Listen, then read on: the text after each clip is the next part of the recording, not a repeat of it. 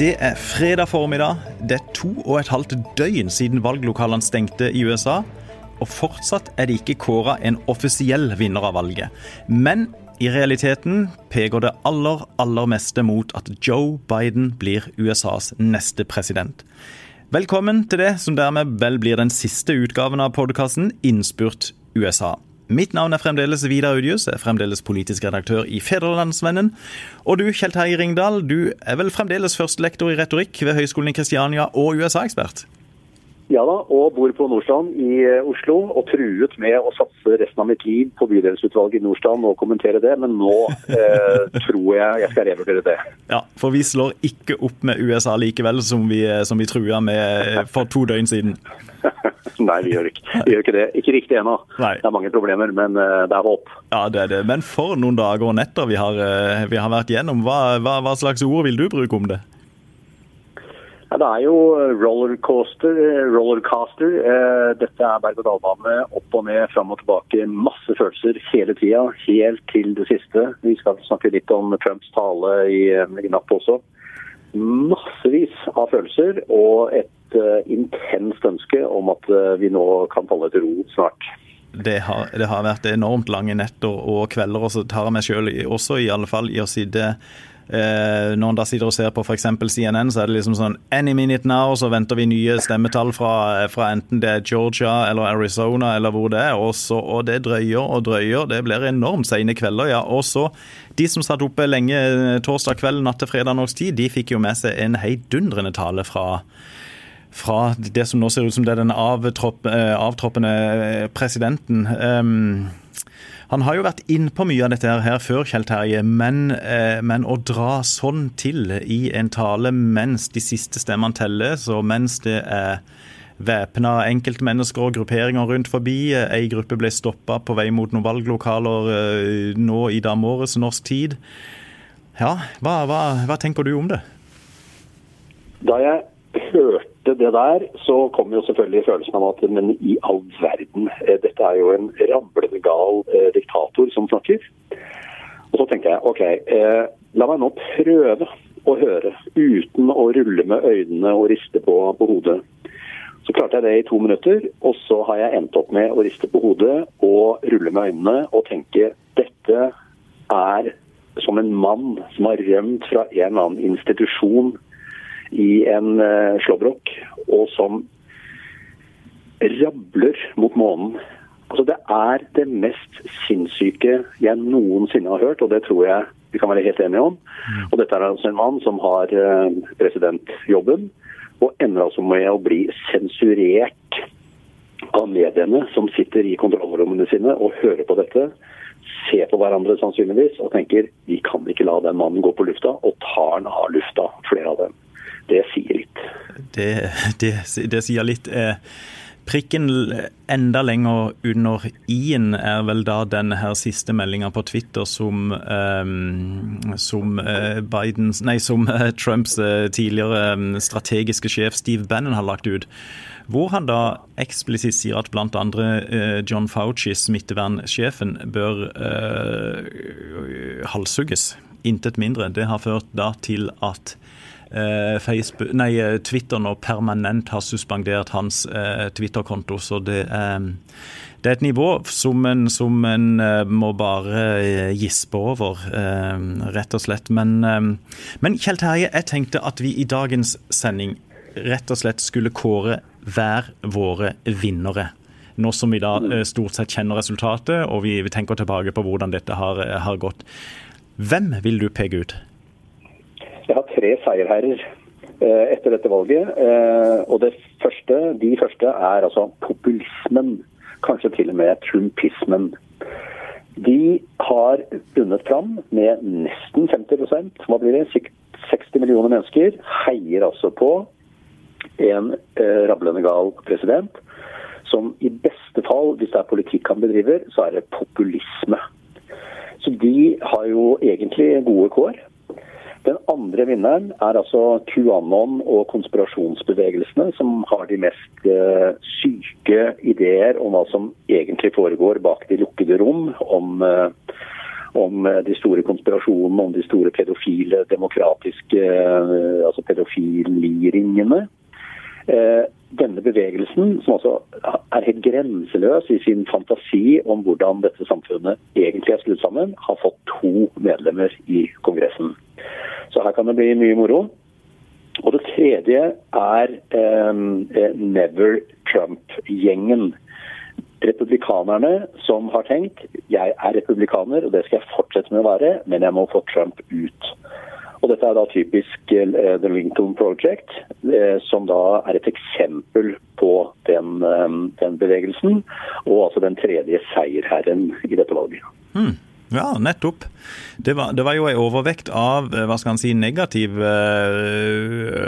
øh, konnotasjoner til øh, Ja, du har én For oss da som heier med Biden, så har du én positiv og to, to negative. Jeg har tre egentlig positive fra min side, for jeg tenker én vinner er systemet og institusjonene. For stemmene blir talt opp. Det har gått ve veldig seint nå de siste par døgnene, men de telles. Og det til tross for at presidenten landets øverste leder krever at de stopper. Det tenker jeg er en seierherre. Og For å se litt stort på det, så tenker jeg da at verden også er en seierherre. For dette her blir jo ikke lett for Biden, men vi i resten av verden vi får nå igjen en president som stort sett blir forutsigbar, som stort sett vil følge internasjonale avtaler, og som kjenner verden og måten internasjonal politikk fungerer på. Og jeg tenker Det er veldig positivt at han allerede har varsla at uh, den dagen han uh, tiltrer som president, 20.1, så skal USA da igjen tiltre klimaavtalen fra Paris. Og for det tredje, for å skryte litt av våre brødre og søstre i USA, så tenker jeg at mediene, uh, mediene Eh, er en seierherre. Til dels også Fox News, som i alle fall i dagene etter valget, nyhetsavdelinga der, de de aller aller fleste, de store seriøse, de har vært edruelige. De har venta med å erklære stater for avgjort. De har gjort sin plikt ved å fortelle seerne hva som er objektive fakta, hva som er ubegrunna påstander, og hva som er regelrette løgner da fra presidentens side. Så ja, med positive briller så trekker jeg fram, eh, fram de tre der. Tar du replikk? Og det er så fint. Nei, altså, eh, Udius, eh, Hadde det ikke vært for koronareglene, så hadde jeg nå bare gitt deg en ordentlig klem. Oh. for dette er jo selvfølgelig det er en veldig fin måte å se det på. altså. Ja, men jeg tar, jeg tar, jeg, kanskje... jeg tar imot en digital klem. Ja, ja, ja, for det er, det er, klart. Du har jo rett. Du har jo rett i det også. Og kanskje er dette en, et uttrykk for hvor delt USA fortsatt er. Og at det er definitivt mulig å også se det på, på den måten som, som du gjør nå. Eh, og det synes jeg det er kanskje det vi skal ta med oss videre i noen dager nå, for det har vi kanskje fortjent. At vi må, vi må løfte oss litt. Ja, vi, vi må det. Men du, samtidig, Kjell Terje, vi må også se framover. Uh, uh, og da tenkte jeg å spørre det. det er, jo, det er, jo, mye lettere å spørre enn å svare, antagelig, men hvor vanskelig jobb får Joe Biden? Um, og da tenker jeg også på at Senatet er jo sannsynligvis republikansk flertall. Akkurat i snakkende stund så er det vel 50-48 til republikanerne, og så ser det ut som det blir to omvalg i for sikkerhets skyld i vippestaten Georgia, hvor det akkurat nå er jo så jevnt en bitte, bitte liten eh, Biden-ledelse i presidentvalget, men, men, det blir to omvalg i den kanskje jevneste delstaten av de alle. Og det omvalget blir da rett på, på andre sida av, av, årsskiftet. Så, eh, men, men, gitt at republikanerne da beholder et knapt flertall i Senatet, og, og ellers et dypt splitta USA, hvor vanskelig blir det å være president Joe Biden? Ja, det blir vanskelig.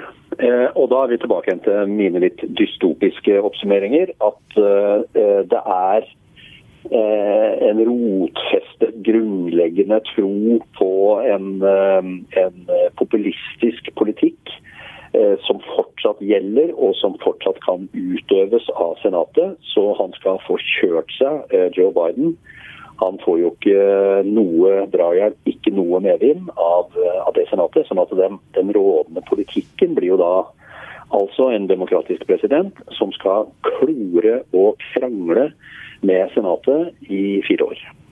Rett og slett, og det har demokratiske presidenter slitt med tidligere òg? Ja, dette er jo tilbake igjen til, eh, til Gingrich og Clinton perioden. Kanskje den tiden da dette begynte, denne eh, affektive polariseringen som man snakker om. Altså et land som, som løper i hver sin ende av bokseringen og kaster stygge ting og slemme argumenter mot hverandre, og som ikke samarbeider.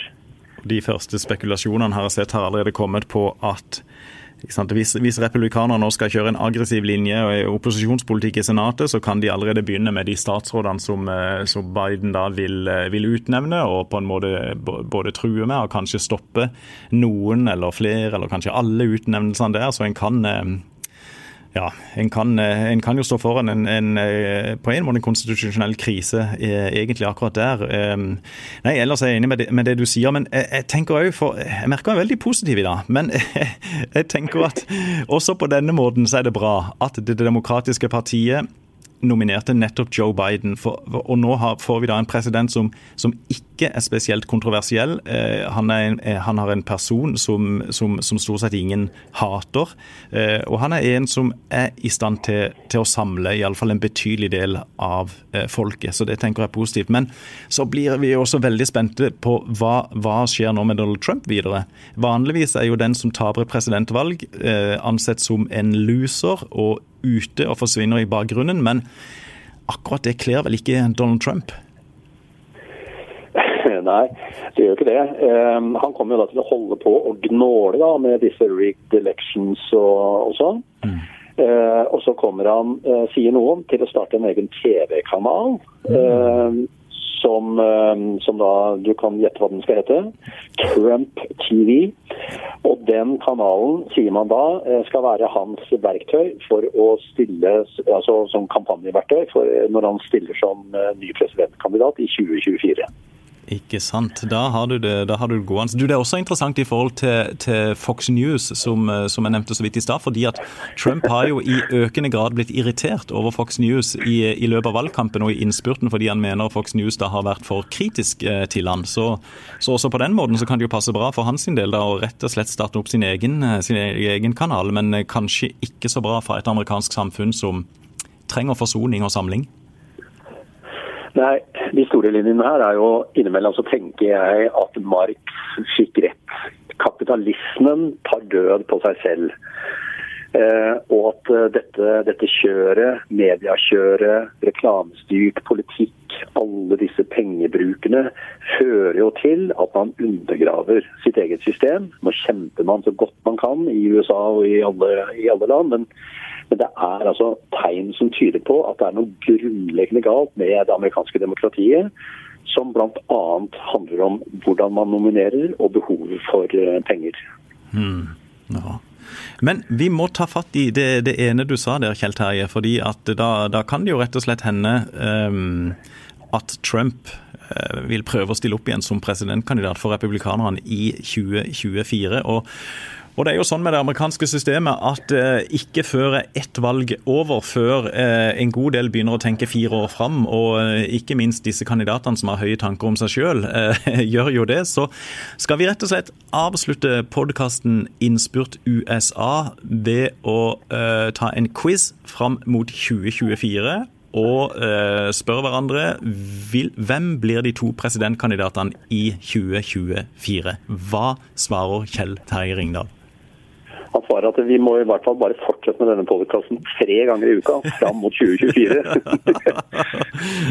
ja, nei, eh, jeg eh, tror jo da selvfølgelig at Camera Harris blir demokratenes eh, presidentkandidat. Og så er det jo mange edruelige, flinke, intelligente folk på den republikanske siden. Og en av dem som ikke, som ikke er så gæren, er jo Marco Rubio. Så mitt tips akkurat nå er eh, Camera Harris og Marco Rubio.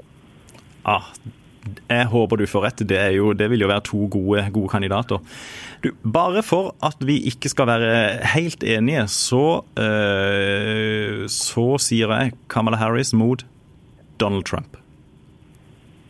ja, ikke. Jeg kjente jeg ble bare veldig sliten. Ja, ja faen meg. Ja, da. Jeg har vært så positiv fram til nå i denne sendinga, så avslutter jeg på den måten. Men, um, men den, store, den, store, fasiten, Kjell Terje, med mindre det skjer et eller annet uh, politisk jordskjelv, det er at Joe Biden vant valget. Og ikke minst i lys av det som har skjedd de siste timene, så er det veldig bra for det amerikanske demokratiet. Det er det jo også mange republikanere som uh, tenker og til dels sier. Det er eh, helt riktig. Eh, og jeg synes vi bare skal eh, nå, skal vi være glad, for dette betyr mye. Altså. Det betyr mye for verden, og det betyr mye for den enkelte, tror jeg. At vi nå kan slappe av litt og ikke bruke så vanvittig mye krefter på, på denne Trump. Det tiltredes. Og uh, tusen takk for laget, Kjell Terje. Det har vært uh, en glede, det har vært interessant, og det har vært intenst i de tre ukene som, uh, som vi to har holdt på. Det har det. Takk for, eh, takk for følget og takk for eh, praten. Og takk til alle dere som har hørt på.